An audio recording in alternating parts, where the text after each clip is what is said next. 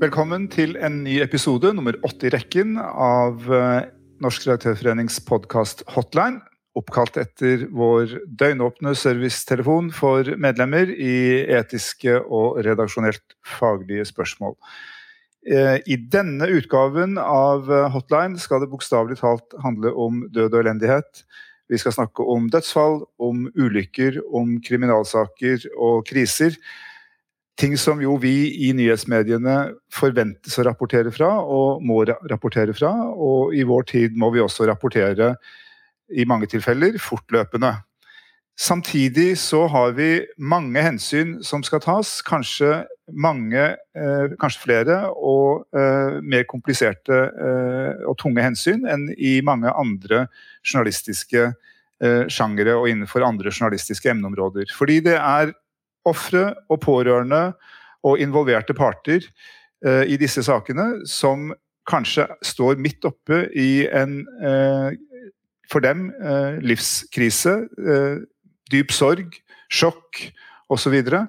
Som vi er nødt til å ta spesielt vare på. Mitt navn er Arne Jensen, jeg er generalsekretær i Norsk redaktørforening.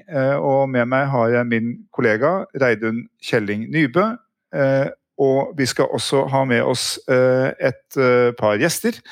Eh, som vi skal introdusere etter hvert.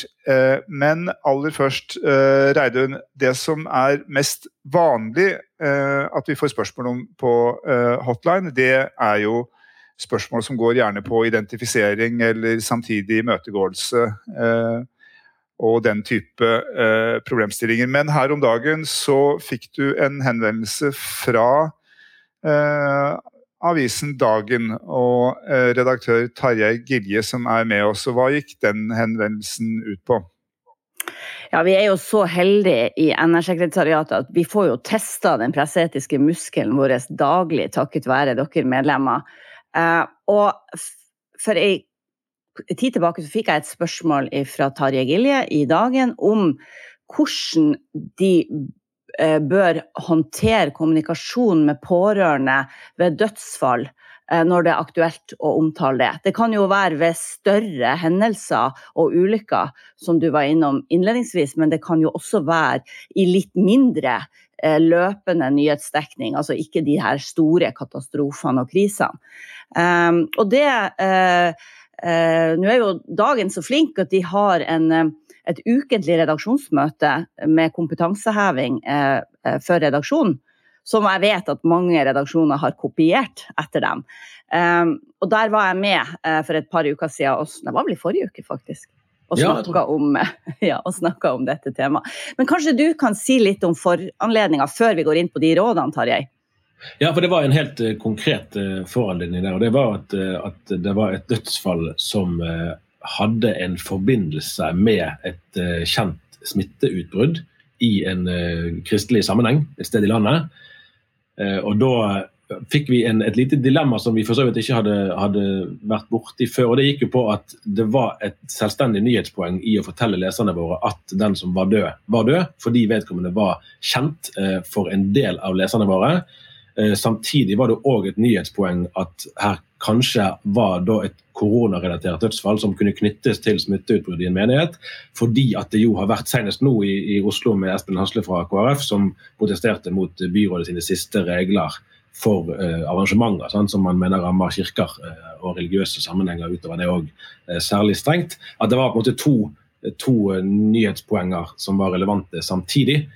men, men vi kom i en knipe litt når det oppsto egentlig en sånn innbyrdes uenighet i avdødes familie om hvorvidt det var greit å offentliggjøre at det, altså vi, vi, ikke medisiner, vi kunne ikke fastslå dødsårsaken, men at det var rimelig grunn til å tro at det var en kobling da, til dette smitteutbruddet.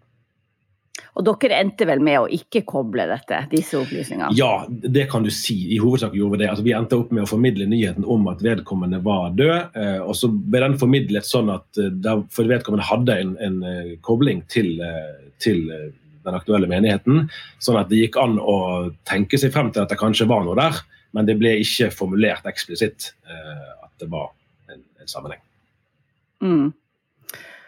Um, da eh, jeg kan jo si litt om presseetikken på dette feltet, kanskje. Eh, Absolutt. men jeg tenkte, jeg tenkte bare ja. skulle spørre Tarjei først. Hvor, ja.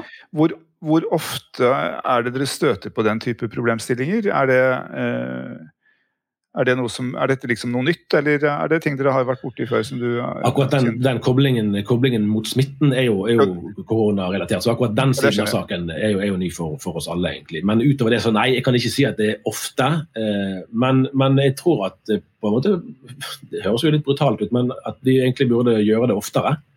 Eh, altså på den måten at, at dette er jo altså dødsfall, eh, og særlig da fra folk som er i aktiv tjeneste.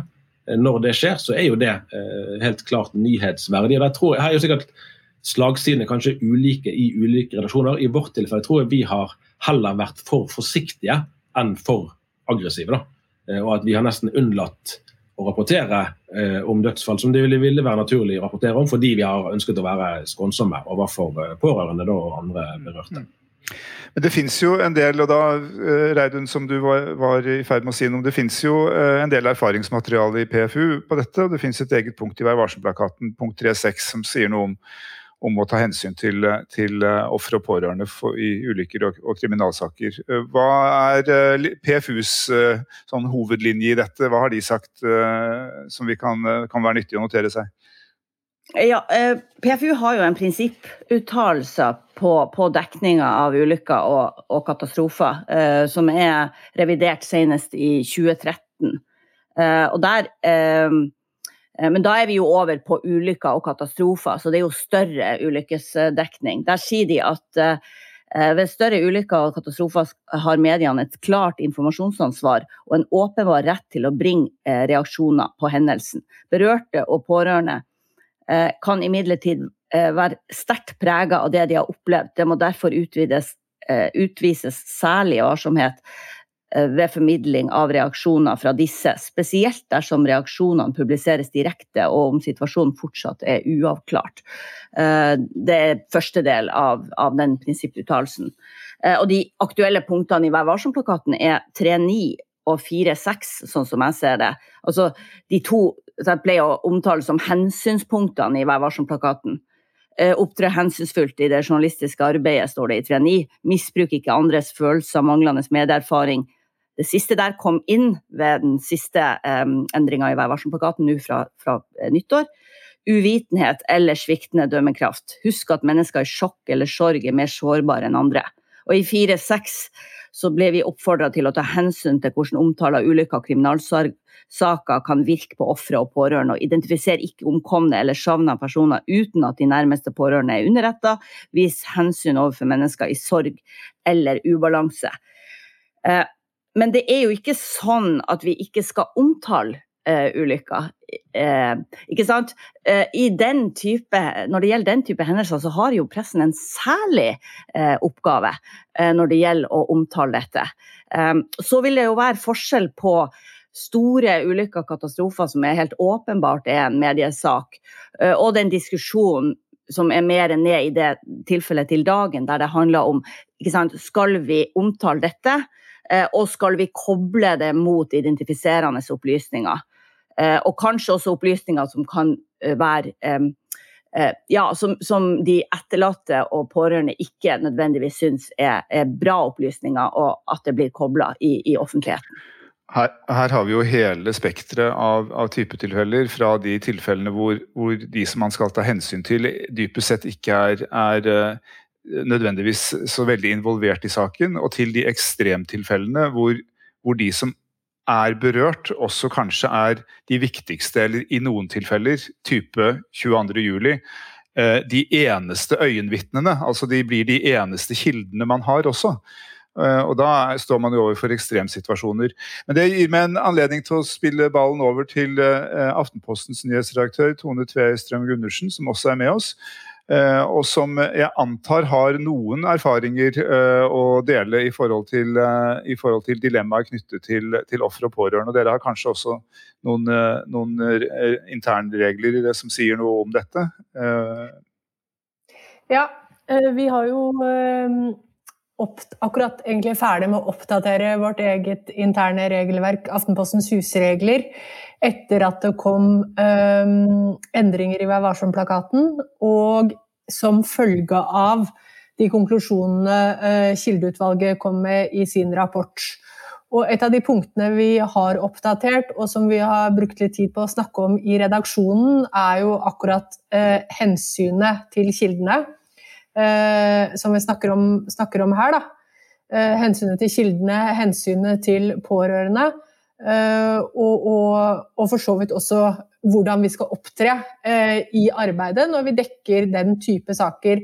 Både som Tarjei er innom her, men også de større katastrofer og ulykker.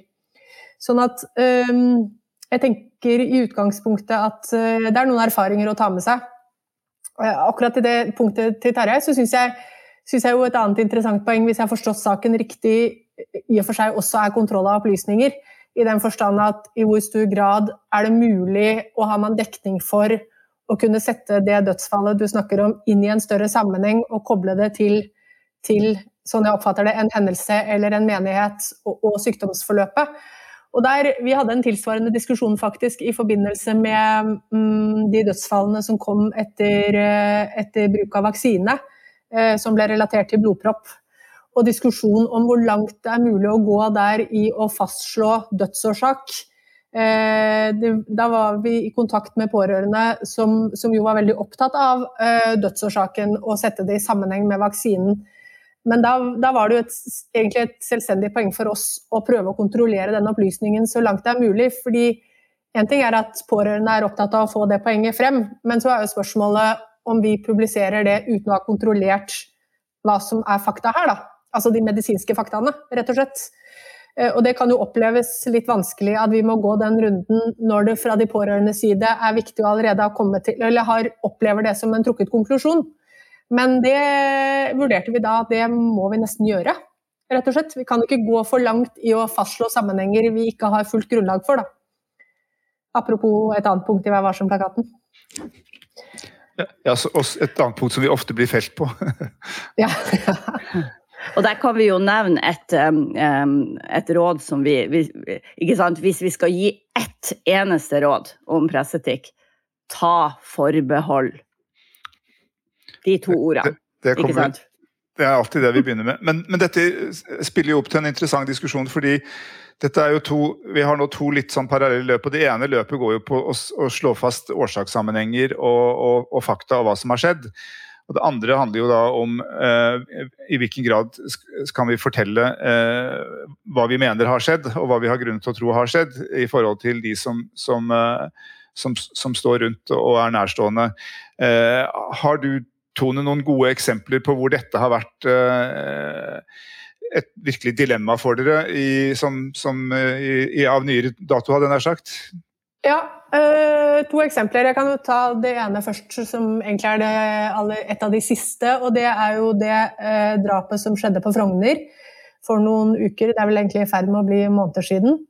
Uh, da var det en kvinne som ble skutt og drept på gata på Frogner i Oslo åpenbart en, eh, et, en sak og, og et, eh, en hendelse uh, som, som, ble dekket i alle medier rundt Oslo.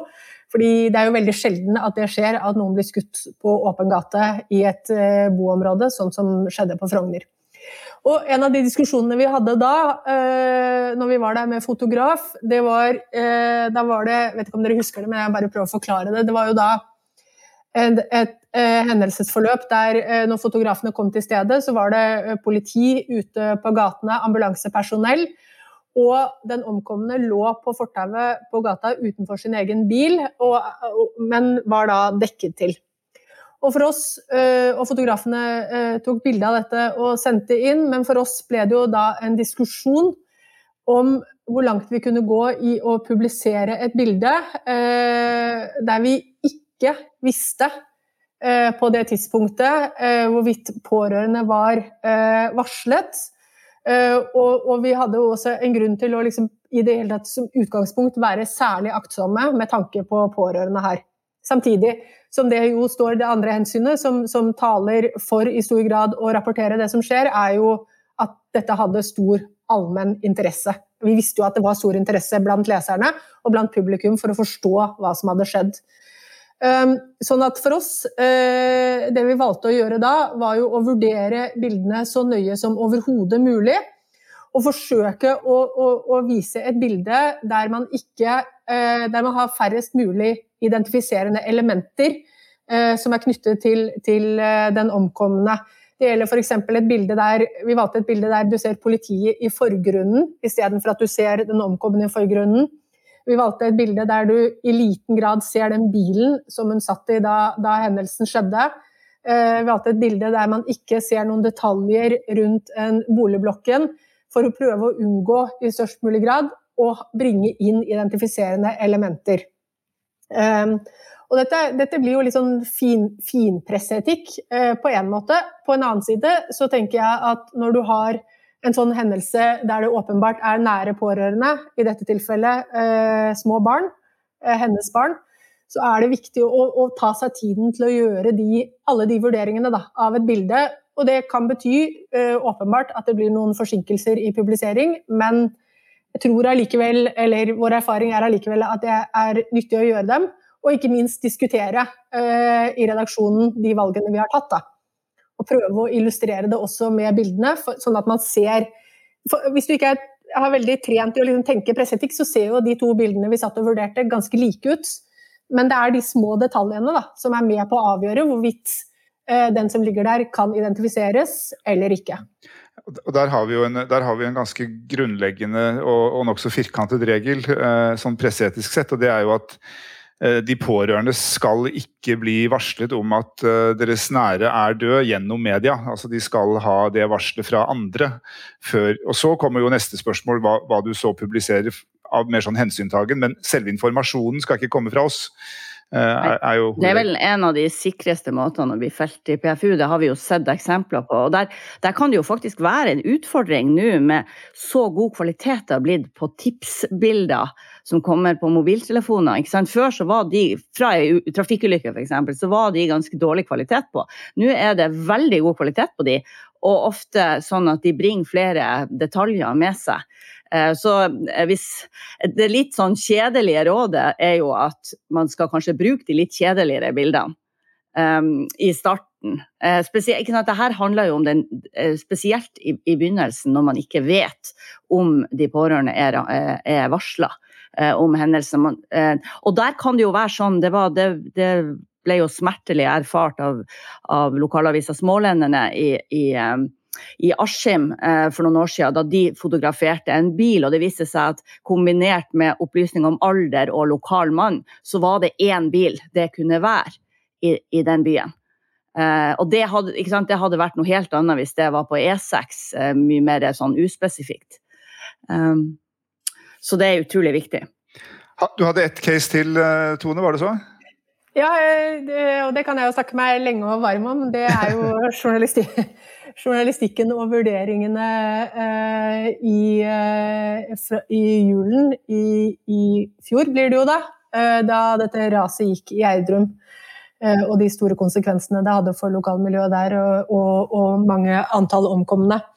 Og, men det, det caset jeg tenkte jeg skulle trekke fram der, i mengden av flere vurderinger, er jo kom jo et par-tre dager, i hvert fall etter hendelsen, og det var jo da Redningsmannskapet eh, beveget seg ned i rasområdet, og på et tidspunkt eh, fant omkomne og, og, begynte å frakte de omkomne ut av rasområdet.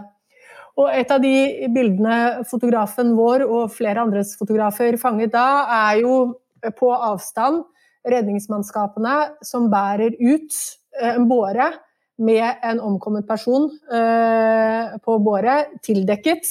Eh, men allikevel eh, et bilde som i utgangspunktet helt åpenbart har stor nyhetsverdi.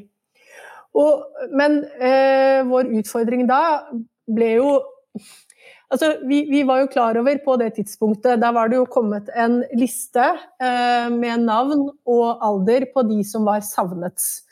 Det var også eh, på det tidspunktet, tror jeg, da Båren kom, identifisert noen omkomne. Men det som var utslagsgivende for oss da, var jo at eh, vi vet at eh, det er jo ikke uvanlig å vise bilder av bårer i, i norske medier. Det som var den store usikkerheten for oss, og som gjorde at vi endte med å ikke publisere det bildet, er at eh, det var usikkerhet om hvem som lå på båren. Eh, for alt vi visste, så kunne det jo vært et barn. Det kunne være at eh, de pårørende ikke hadde fått beskjed om at det var deres egen kjære nære som var funnet. Eh, det kunne være at det var informasjon i det bildet som sa noe om hvem som var på båren. F.eks. Funnstedet, bygninger, hus. Små detaljer som for oss som sitter og vurderer bildet, ikke er så lett å se at nødvendigvis er identifiserende. Men for de pårørende så kan jo sånne små detaljer være med på å avgjøre eh, og, og, sette det i en sammenheng og forstå at ja, det, det, er deres nære som ligger på båren. Sånn at hensynet til de pårørende veide da så tungt for oss at vi valgte å ikke publisere bildet. Uh, og Der så jeg at det var forskjellig praksis. Det tenker jeg generelt er av et gode, at vi gjør litt ulike vurderinger i mediene. Men, uh, men, men det er også et, egentlig et interessant eksempel å diskutere, da, uh, syns jeg. Fordi her er det jo det er en kontekst som tilsier at man vet ganske mye, men samtidig, når du liksom zoomer inn på en detalj, som ikke en detalj i sammenheng, altså selvfølgelig for, for de nære er det jo utrolig viktig, så, så, så må man også igjen da, gjøre alle de vurderingene av informasjonen i et enkelt bilde eh, før det eventuelt kan publiseres. Og da i vår, vårt tilfelle eh, landet på ikke publisere. Her er det jo mange redaksjoner som har uh, i, gåseøyne gått på en smell. og Det uh, handler jo om at man, uh, man, tror at bildet ikke kan gi noe informasjon som kan bidra til identifisering, men, men problemet er at å ha oversikt over nøyaktig kobling mellom ulike typer detaljer i et bilde, som gjør at de som er sønner eller døtre eller kjærester eller til, til den personen som, som, ligger der, eh, det er veldig vanskelig å ha full oversikt over. Så, så eh, vi gir jo generelt råd om eh, å gå, litt, gå bort gå, ta litt avstand, eh, bokstavelig talt, og, og, ta bilder som viser redningsmannskaper, som viser eh, trafikkøen på ulykkesstedet, som viser eh, andre ting, men hvor selve objektet kommer i bakgrunnen og blir, blir litt mer blørig. Eh, men eh, hvis vi, eh, nå var vi inne i den litt sånn tunge nyhetsbiten. Hvis, vi til, hvis jeg spoler litt tilbake igjen til, til caset fra dagen. For der var jo du inne, Reidun, og, og noen, hadde et lite møte med redaksjonen og kom med noen tips og råd. Hva var hovedbudskapet ditt til, til redaksjonen i dagen? Jo, fordi Der handler det jo om liksom den kommunikasjonen direkte med pårørende. og det, jo, det er jo aktuelt kanskje både i små og, og, store, ved, ved, små, litt mindre hendelser og store hendelser. Eh, jeg vil jo råde redaksjoner til å, å skaffe seg en, en kontakt, et kontaktpunkt opp mot pårørende. Spesielt altså når, når, hendelsen er fersk. Så det å gå rett på eh, eh pårørende eh, skal man være forsiktig med hvis man ikke har fått kjennskap til at det er greit. Eh, at man kontakter dem. Og det, noen ganger så er det jo naturlig å bruke en prest. Um, og prester kjenner jo dagen mange. Der har dere gode, mange gode kilder, det er jeg helt sikker på. Um, men uh, jeg, jeg, husker uh, da, uh, da, jeg sjøl jobba som både redaktør og, og, nyhetsjournalist, at jeg brukte jo av og til Facebook. og liksom felles venner med, med, de pårørende på Facebook. I hvert fall i, i Bodø så kunne det være, være en sånn grei utgangspunkt for å komme i kontakt med noen personer som både jeg kjente og de kjente. Og, og, eh, og da, når man er i kontakt med, med, de pårørende, så er det utrolig viktig at måten man stiller spørsmål på. Fordi man kan risikere å plassere de pårørende i redaktørstolen, og det skal vi ikke. Både av hensyn til at den jobben skal de slippe å ha, men også fordi at det er vi som er redaktører, det er ikke de. Uh, og det er ofte sånn at i sånne saker som det her, så, vi, så kommer ikke de til å være fornøyd med alt vi gjør. Uh, og, og, derfor så må vi ikke stille altså da, litt sånn, En måte å spørre, å spørre på er ja, vi har tenkt å dekke denne begravelsen. Er det noe dere vil si til oss i forbindelse med det. Er det noen plass dere vil ha oss, er det noen plass dere ikke vil ha oss? Vil dere ikke ha eh, fotografier ved grava? Eh, vil dere, ikke, vil dere at eh, fotografene skal gjemme seg bort, være der og der? Um, uh, sånn at, at, da kan de få gi uttrykk for, for sin mening, eller si dette har vi tenkt å publisere sånn og sånn. Sånn som i det tilfellet med, med, med, med eksempelet til Tarjei. Eh, har, dere, har, dere, noen tanker rundt det? Vi vil gjerne høre deres meninger om det før vi publiserer. Ikke si at eh, dok, dere skal få bestemme det. Eh, eh For da, da man, gir man jo dem også noen forventninger om at, at, de, at, de, skal ha siste ord, for det må man ha sjøl. Og så er det også viktig at det er, dette skal avgjøres på redaktørnivå. At det ikke gjøres om, eh, avtaler fra journalist uh, med, med, de pårørende om ting man skal publisere, eller enda viktigere ikke publisere, uh, uten at det er på redaktørnivå uh, at den avtalen gjøres. Uh, og det, det, er jo sånn. Og så er det jo det her som jeg syns som jeg tar med meg fra Jeg gir jo mye råd i, i saker som omhandler selvmord, men det her med å tenke alltid gjennom detaljnivå. Liksom Ta hver enkelt sånn detalj liksom opp og se litt på den og tenke um, Hvorfor har vi med denne detaljen, og Eh, og trenger vi den for å fortelle historien? Og det, det være seg jo alle typer drapssaker, ulykker. Eh, og så, måtte bli enig med, med seg sjøl gjennom en diskusjon i, i, redaksjonen. Hva er det slags detaljer vi trenger å ta med nå? Mm. En annen ting, jeg, Hvis jeg bare kan bringe en ting som jeg også syns er litt krevende, kanskje ikke i eksempelet til Tarjei, men, men i eksempelet i Gjerdrum, er jo at mm, den kontakten med pårørende i sånne situasjoner, der er det jo også eh, eh åpenbart et dilemma at alle pårørende, eller hver pårørende har en forskjellig historie og en forskjellig tilnærming. Sånn at det at én pårørende eller én talsmann for pårørende sier at noe er greit, det betyr jo ikke at det er greit for de andre pårørende. Og, og det å liksom klare å gjøre vurderinger basert på, på de enkeltvurderingene eh, hver gruppe av pårørende måtte ha, da, eller familier, det, det tenkte jeg i hvert fall på i Gjerdrum at det, det syns jeg var utfordrende. da. For hva du vektlegger av hensyn. Eh, og, og, ikke minst nå når vi kommer inn i en dekning av 22.07. juli, ti år siden. Eh, hvem, altså, kan, pårørende er jo heller ikke en gruppe der. Det er, jo, det er jo helt forskjellige hensyn, ønsker, behov, ideer, tanker. Vil man være offentlig, vil man snakke, vil man ikke snakke? Hvem er det som snakker? Ja, som, som, spiller inn i vurderingen, og som vi også skal forsøke å navigere etter. da. Ja, Der var utgangspunktene litt, litt forskjellige. for det som du beskrev at, at, her var det i og for seg jeg tror ikke noe strid om eh, altså det man antok var dødsårsaken. Det var en uenighet i familien om hvorvidt man ville at den opplysningen skulle kobles mot eh, navn og bilde. Mm. Riktig. Men, det, men det, det, er jo en veldig interessant diskusjon, dette med, med, med og et veldig viktig poeng eh, som du tar, eh, Reidun, i forhold til eh, hvem som sitter i redaktørstolen. Og vi ser jo nå stadig oftere så, så omtales når, når, det fries navn i forbindelse med ulykker eh, og kriminalsaker, så står det nå i, eh, i mediene at eh, navnet frigis i, i samråd med eller i forståelse med de pårørende. Og det eh, mener jo noen av oss er en litt eh, betenkelig utvikling, fordi at da gjør jo ikke bare vi, eh, men politiet setter jo da i realiteten eh, de pårørende i redaktørstolen og lar de pårørende bestemme politiets eh, vurderinger av dette, og i neste omgang da i praksis medienes vurdering.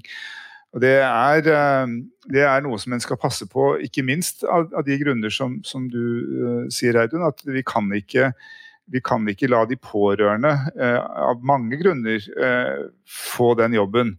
Også fordi at i veldig mange tilfeller så vil jo omtale, nesten enhver omtale, vil av, av mange pårørende oppleves som en belastning. Man vil helst ikke se noe som helst om sin egen noe som er en, en tragisk eller, eh, eller, traumatisk opplevelse i livet, eh, se noe om det i nyhetsmediene. Eh, mens, mens, det kan ikke være ledestjernen, men, men, å finne balansegangen mellom de hensyn som da skal tas, og samtidig sørge for at vi gjør jobben vår, det er, det er jo en, en, en, stor og krevende utfordring. Men jeg, nå tenkte jeg bare skulle høre, Du sa Tarjei, på et tidspunkt at kanskje vi har vært for forsiktige. Eh, og det, eh, det, er det jo en del redaksjoner som, eh, som antageligvis er. Det vil si, altså for forsiktig er, er, blir litt feil, fordi det, det er noen, i, i, Så lenge man holder seg innenfor presseetikken, så er jo det en policyvurdering. Og det er fullt lovlig å være mer forsiktig enn det som kreves av, av Vær varsom-plakaten. Men det jeg tenkte jeg skulle høre litt med, med dere om, og kanskje Tone spesielt, er har vi blitt mer forsiktige eh, gjennom årene? Gjorde 22.07 noe med oss, eller eh, hvordan, har, har, du noe bilde av det, eller? Jeg, det er alltid litt vanskelig å sammenligne med, fordi, nettopp fordi at hver, hver enkelt sak er litt forskjellig. Men, men, jeg opplever i hvert fall at vi, vi er ganske opptatt av øh, både hensynet til de pårørende at, det er med som en viktig vurdering for oss. da. Uh, hensynet til de pårørende, men også, hvis vi er liksom inne på forsiktighetsskalaen, så, så, vil jeg jo si at Kildeutvalgets rapport også har bevisstgjort oss ganske mye på hvordan vi opptrer overfor kilder generelt. Da. Kilder med mindre medieerfaring, kilder med mer medieerfaring. At vi har blitt bedre, tror jeg, eller i hvert fall mer bevisste på Bedre er farlig, veldig farlig ord å bruke, men mer bevisste på Eh, på hvordan vi opptrer i kontakt med kilder. Og ikke minst det eh, viktige poenget om premissene eh, for kontakten. Som jeg opplever at, at Ikke nødvendigvis 22. juli, kanskje, men, eller det vil si den også. Men, men Kildeutvalgets rapport, metoo-journalistikken, eh, har, eh, har, tydeliggjort og fått opp som et dilemma. Da, som vi jobber med å kvittere ut i større grad nå enn tidligere. Mm. Mm. Veldig bra. Vi har jo en egeninteresse i, i denne podkasten utover det å lage en podkast, for vi skal jo lage noe mer også uh, i løpet av forholdsvis kort tid. Uh. Ja, uh, vi, vi, jobber med en veileder om hva redaktører og journalister må tenke på i møte med de som er tettest på ei krise og, eller ei ulykke. Eh, og vi kan også røpe at det planlegges, eh, og det er jo rett før nå, 4.6 planlegger vi et seminar om dette temaet. Og det er med utgangspunkt i at det er eh, ti år, straks ti år siden 22.07-terroren. Og naturlig å se på nettopp hva, var, hva det var, var, det vi lærte, og hva har skjedd i kjølvannet av det som skjedde regjering, i regjeringskvartalet og på Utøya den gangen. Og det seminaret håper vi skal være det første, eh, det første arrangementet i Pressens hus. Og der eh, samarbeider vi med, med Norsk Journalistlag og Norsk Presseforbund. Hvor, hvor, det blir, er litt avhengig av om de nå får kobla opp den wifi-kabelen eh, nede til AV-utstyret på, på, på, på, det store møterommet i første etasje, så vidt jeg vet. Men det, er, det jobbes med det. Så det er, eh, så det er i, og dette har vi eh, Vi har jo stor nytte av, som Reidun var inne på, å, snakke med, med redaktører. Én ting er at redaktørene forhåpentlig eh, har nytte av å snakke med oss. Men, men, det er jo en gjensidighet og en god dynamikk som ligger i hele, i hele hotline-systemet. Uh, og denne podkasten, uh, som vi nå skal, straks skal runde av, uh, er, er, et forsøk på å, å utvikle det, den tjenesten videre, slik at flest mulig medlemmer kan få nytte av de erfaringer som vi gjør, og som andre redaktører gjør. Fordi det å, å dele erfaringer og synspunkter og dele interne etiske regler osv og vår egen kompetanse, det er jo noe av det vakreste i norsk medieverden, syns jeg. Eh, hvor, eh, hvor, delingsvillige vi er eh, for å gjøre hverandre bedre. Det tror jeg har vært et viktig kriterium til at vi har så vidt robuste redaktørstyrte medier eh, som vi har. Nå var generalsekretæren på vei inn i en festtale. Det skal han eh, ikke eh, begynne med. Men, eh, men, jeg skal si tusen takk til eh, våre to gjester. Det er ikke noe jeg har glemt nå, Reidun. Eh, Terje Gilje fra Dagen og Tone Tveøy Strøm Gundersen fra Aftenposten. Sistnevnte takket ja til invitasjonen om å delta i podkasten med svaret ja, selvfølgelig. Jeg kan aldri få nok av presseetikk. Og det er jo et godt utgangspunkt for oss som driver med dette. Da sier jeg takk på vegne av Reidun Kjelling Nybø og meg selv, Arne Jensen. Takk for nå.